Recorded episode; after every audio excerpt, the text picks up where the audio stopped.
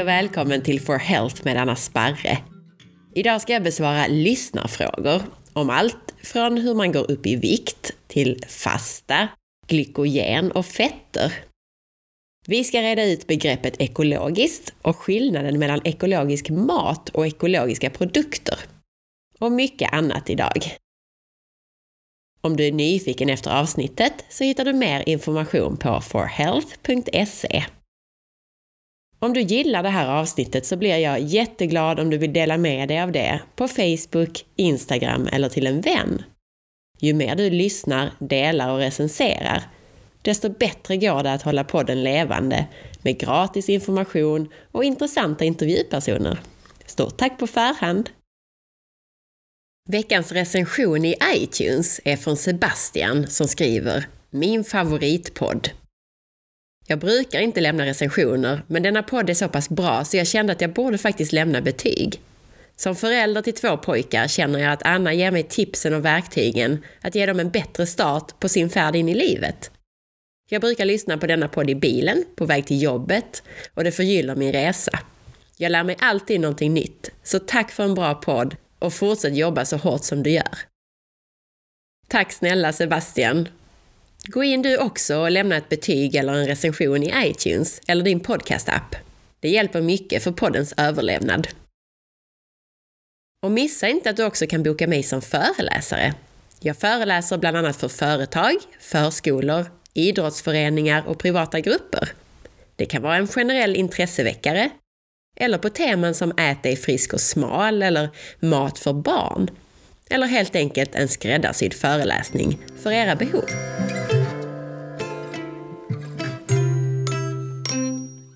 Jag sitter i Portugal och spelar in idag, så ljudet är lite annorlunda eftersom det är mer akustik här. Och dessutom så är jag lite förkyld och täppt som ni kanske hör. Så det gör det väl ännu konstigare för dig som är van att höra min vanliga röst från det vanliga inspelningsrummet. Tack ska ni ha för alla lyssnarfrågor som strömmat in de senaste månaderna. Vet ni, förr så fick jag alltid påminnelser när ni kommenterade på bloggen. Men jag upptäckte att jag inte längre får det varje gång. Jag måste ha ändrat i inställningarna på något sätt. I vilket fall så har jag inte missat någon av era kommentarer, det blev bara lite fördröjning den här gången. En del av er kan säga att jag nu har svarat er direkt på bloggen också. Och i fortsättningen så kommer jag att vara snabbare och oftast så ser jag kommentarerna ni skriver samma dag.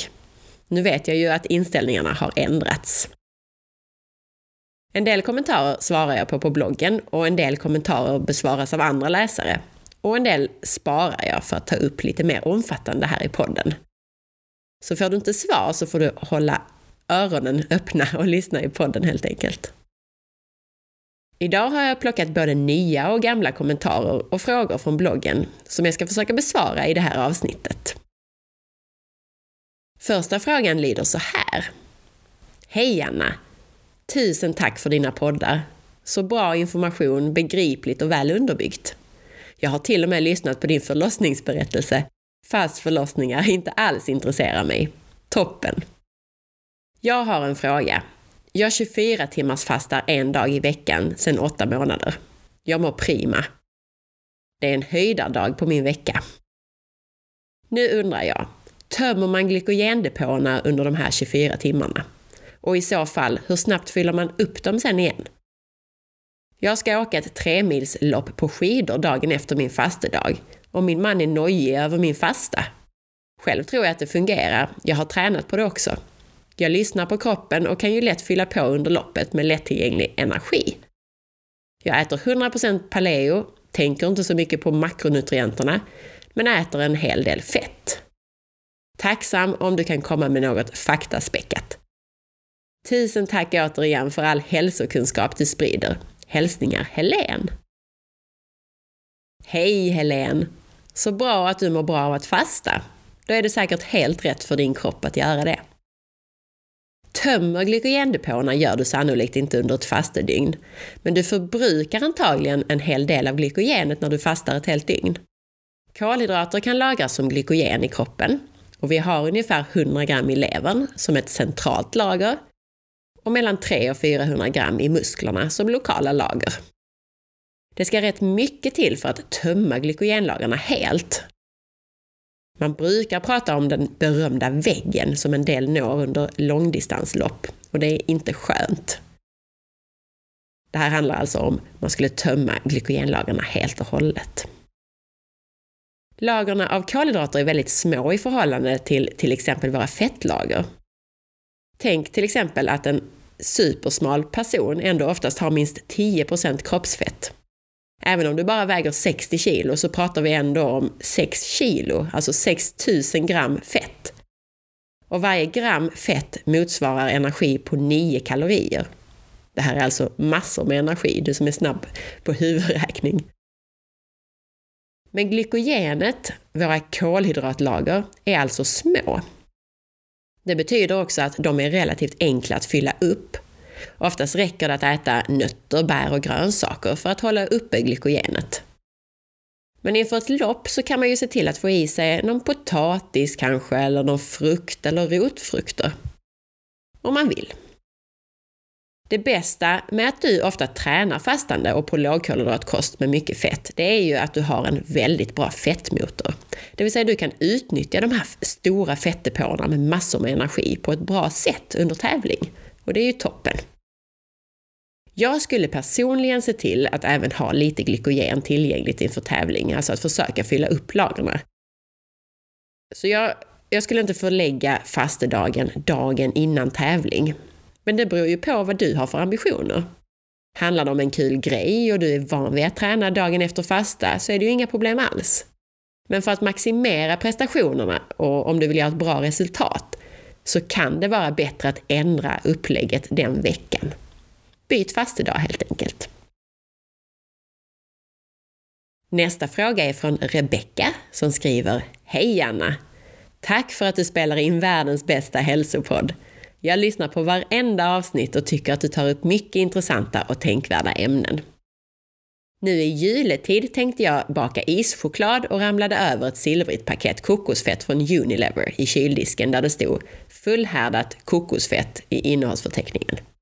Är detta bra fett eller hur ska jag förhålla mig till detta kokosfett?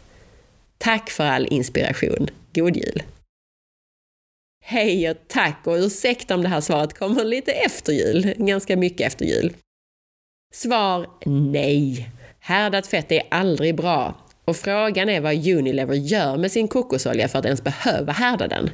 Kokosolja eller kokosfett är ju redan ett hållbart mättat fett. Härdning används ju för att göra fetter hållbara.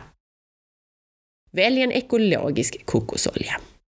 Och ät aldrig härdat fett jag pratar om det här i avsnitt 30 som handlar om fetter, så lyssna på det, för det är ett avsnitt som behandlar alla möjliga aspekter av fetter.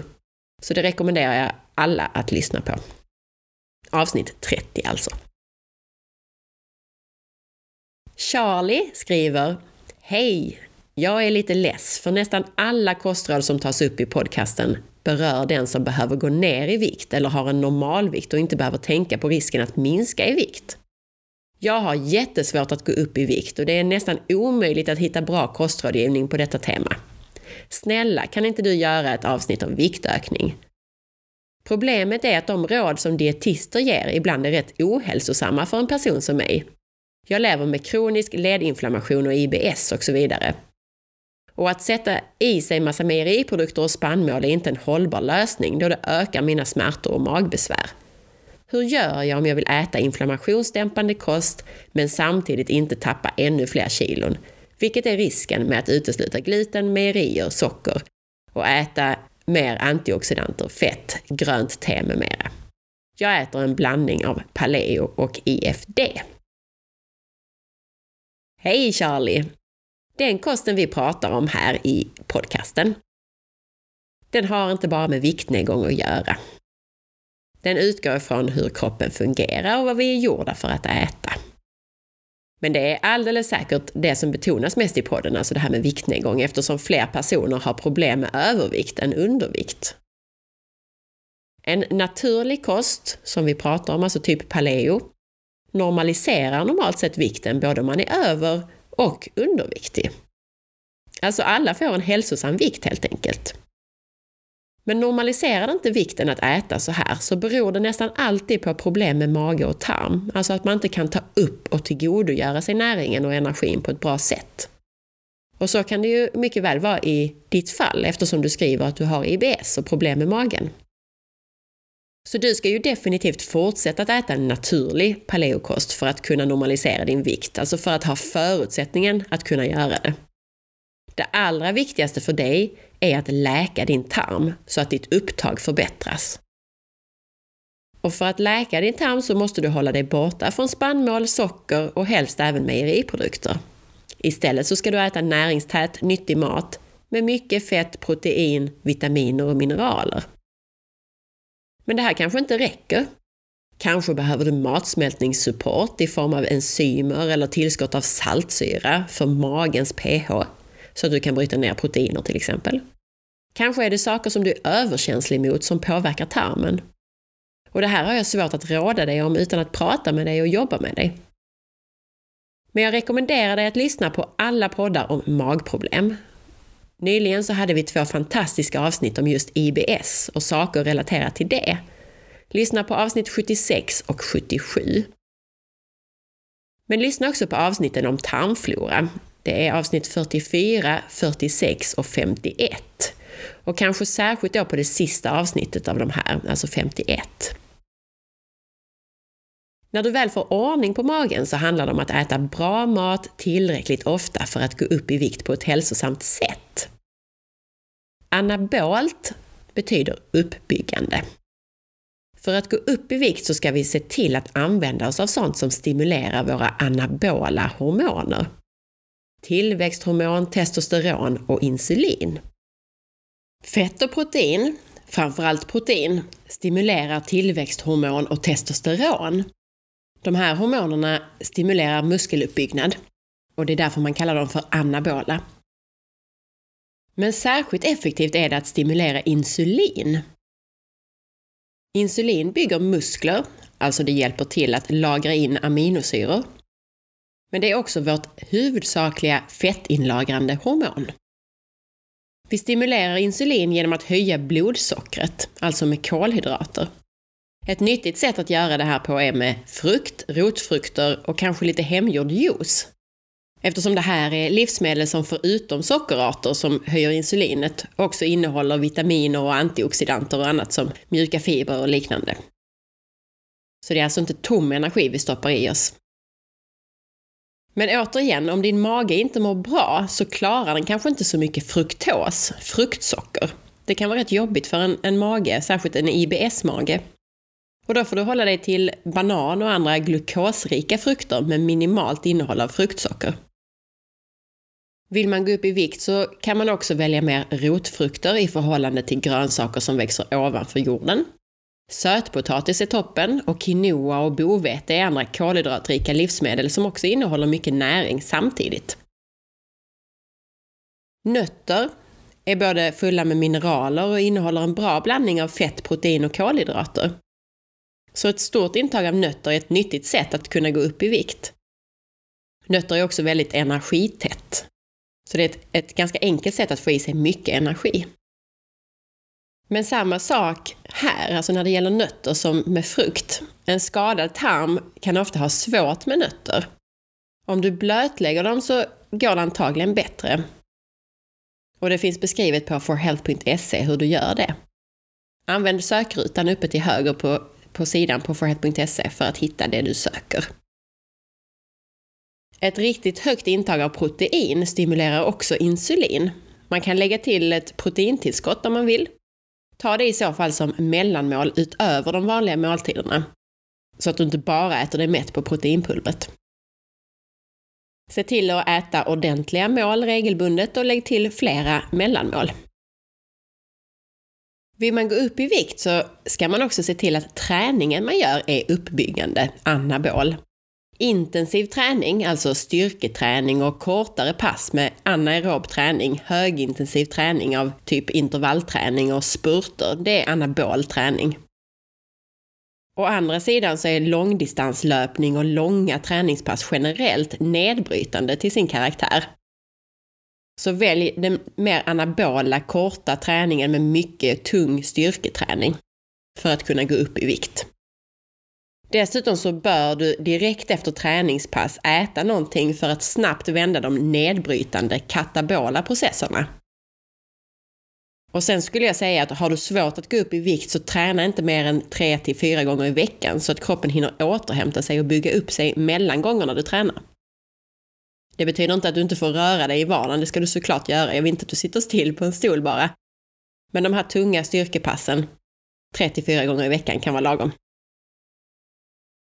Så för att sammanfatta, en bra fördelning av fett, protein och kolhydrater, naturliga insulinstimulerande kolhydrater i kombination med en proteinrik fettinnehållande kost är grundförutsättningen på något sätt för att kunna gå upp i vikt. Ät regelbundet och ofta. Och till detta så lägger du styrketräning och lite intervallträning.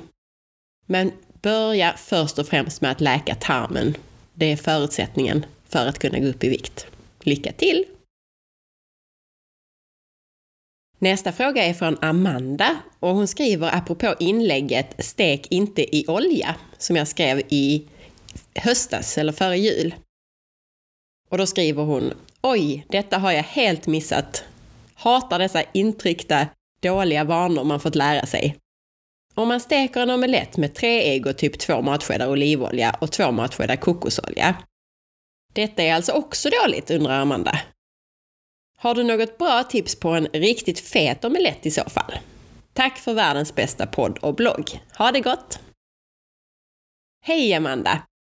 Det stämmer att du inte ska steka i olja.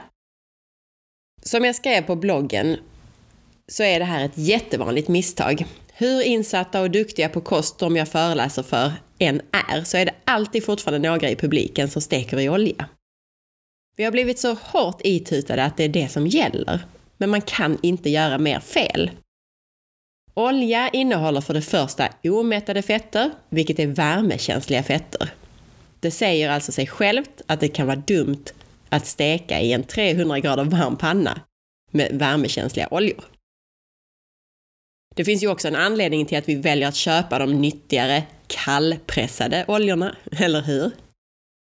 Dessutom så innehåller i stort sett alla de vanliga växtoljorna, utom olivolja, höga nivåer av inflammationsframkallande omega-6. Återigen så rekommenderar jag den som vill lära sig mer om fetter att lyssna på avsnitt 30. Det är en bra sammanfattning om olika fetter och vad man ska tänka på i det avsnittet. I höstas så kom det också en artikel där forskare berättar om de cancerframkallande ämnen som avges när du steker i vegetabiliska oljor som majs och solrosolja till exempel. Och det är så kallade aldehyder som avges och de har kopplats till allt från demens till hjärtsjukdom och cancer. Inte så bra alltså. Om du steker en måltid i vegetabilisk olja så kan du få i dig så mycket som 100 till 200 gånger WHOs säkerhetsdos av farliga ämnen. Och nyttigast är det att steka i hållbara mättade fetter som kokosolja eller smör. Och ingenting är ju godare än smörstekt mat, eller hur? Kokosolja visade sig producera minst farliga ämnen vid stekning.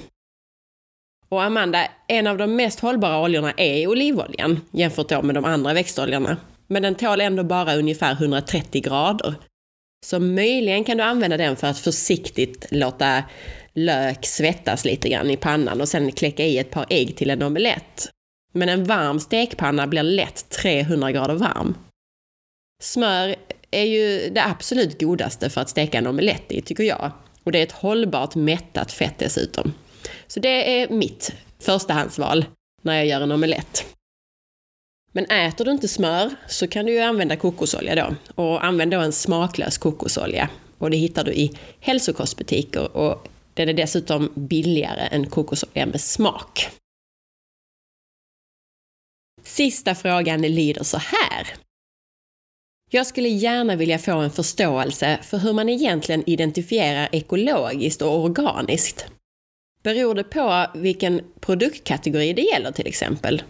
Jag har nämligen fått kännedom om ett svenskt ekologiskt organiskt företag som har fått jättefin kritik för sitt schampo bland annat.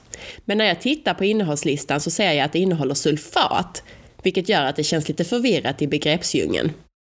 Jag vet att du har haft ett program om just hår och hudvård, så egentligen handlar det inte frågan om just det, utan snarare att jag skulle vilja förstå när en produkt får sätta en stämpel för ekologiskt respektive organiskt. Tack! Från Malena. Hej Malena!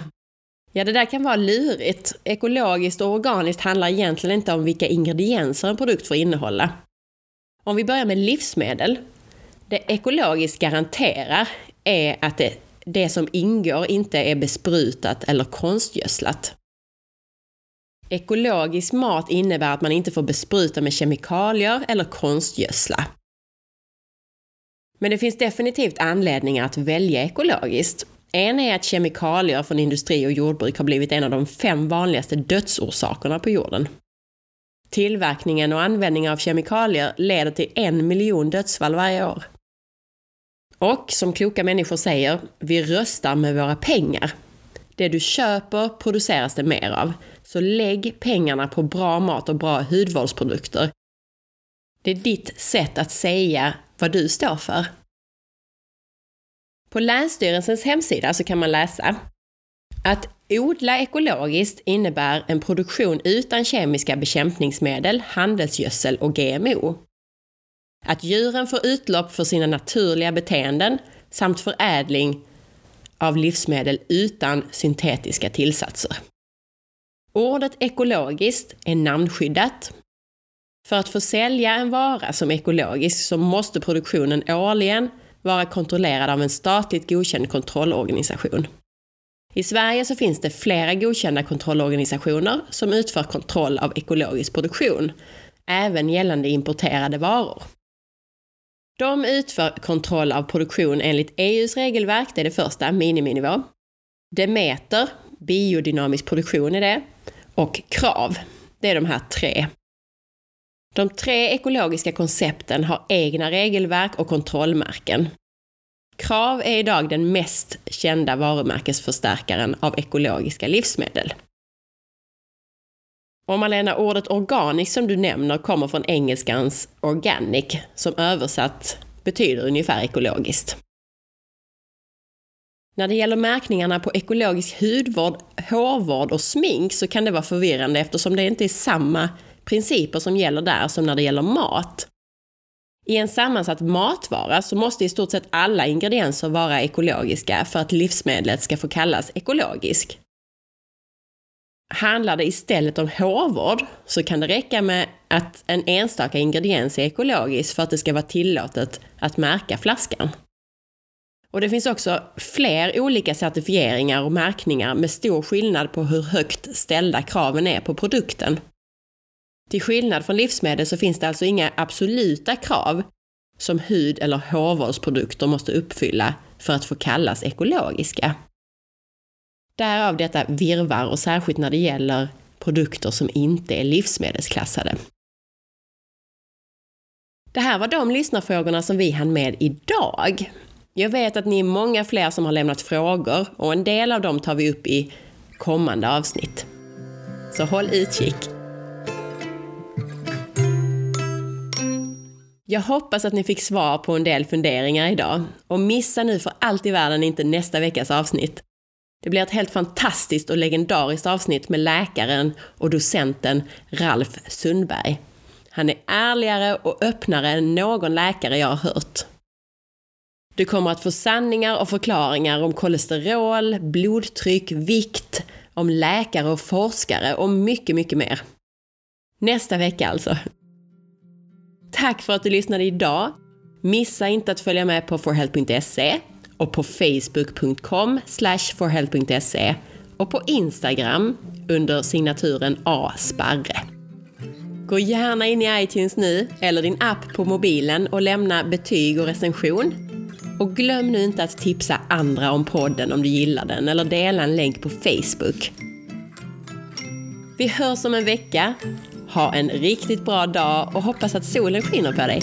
Hejdå!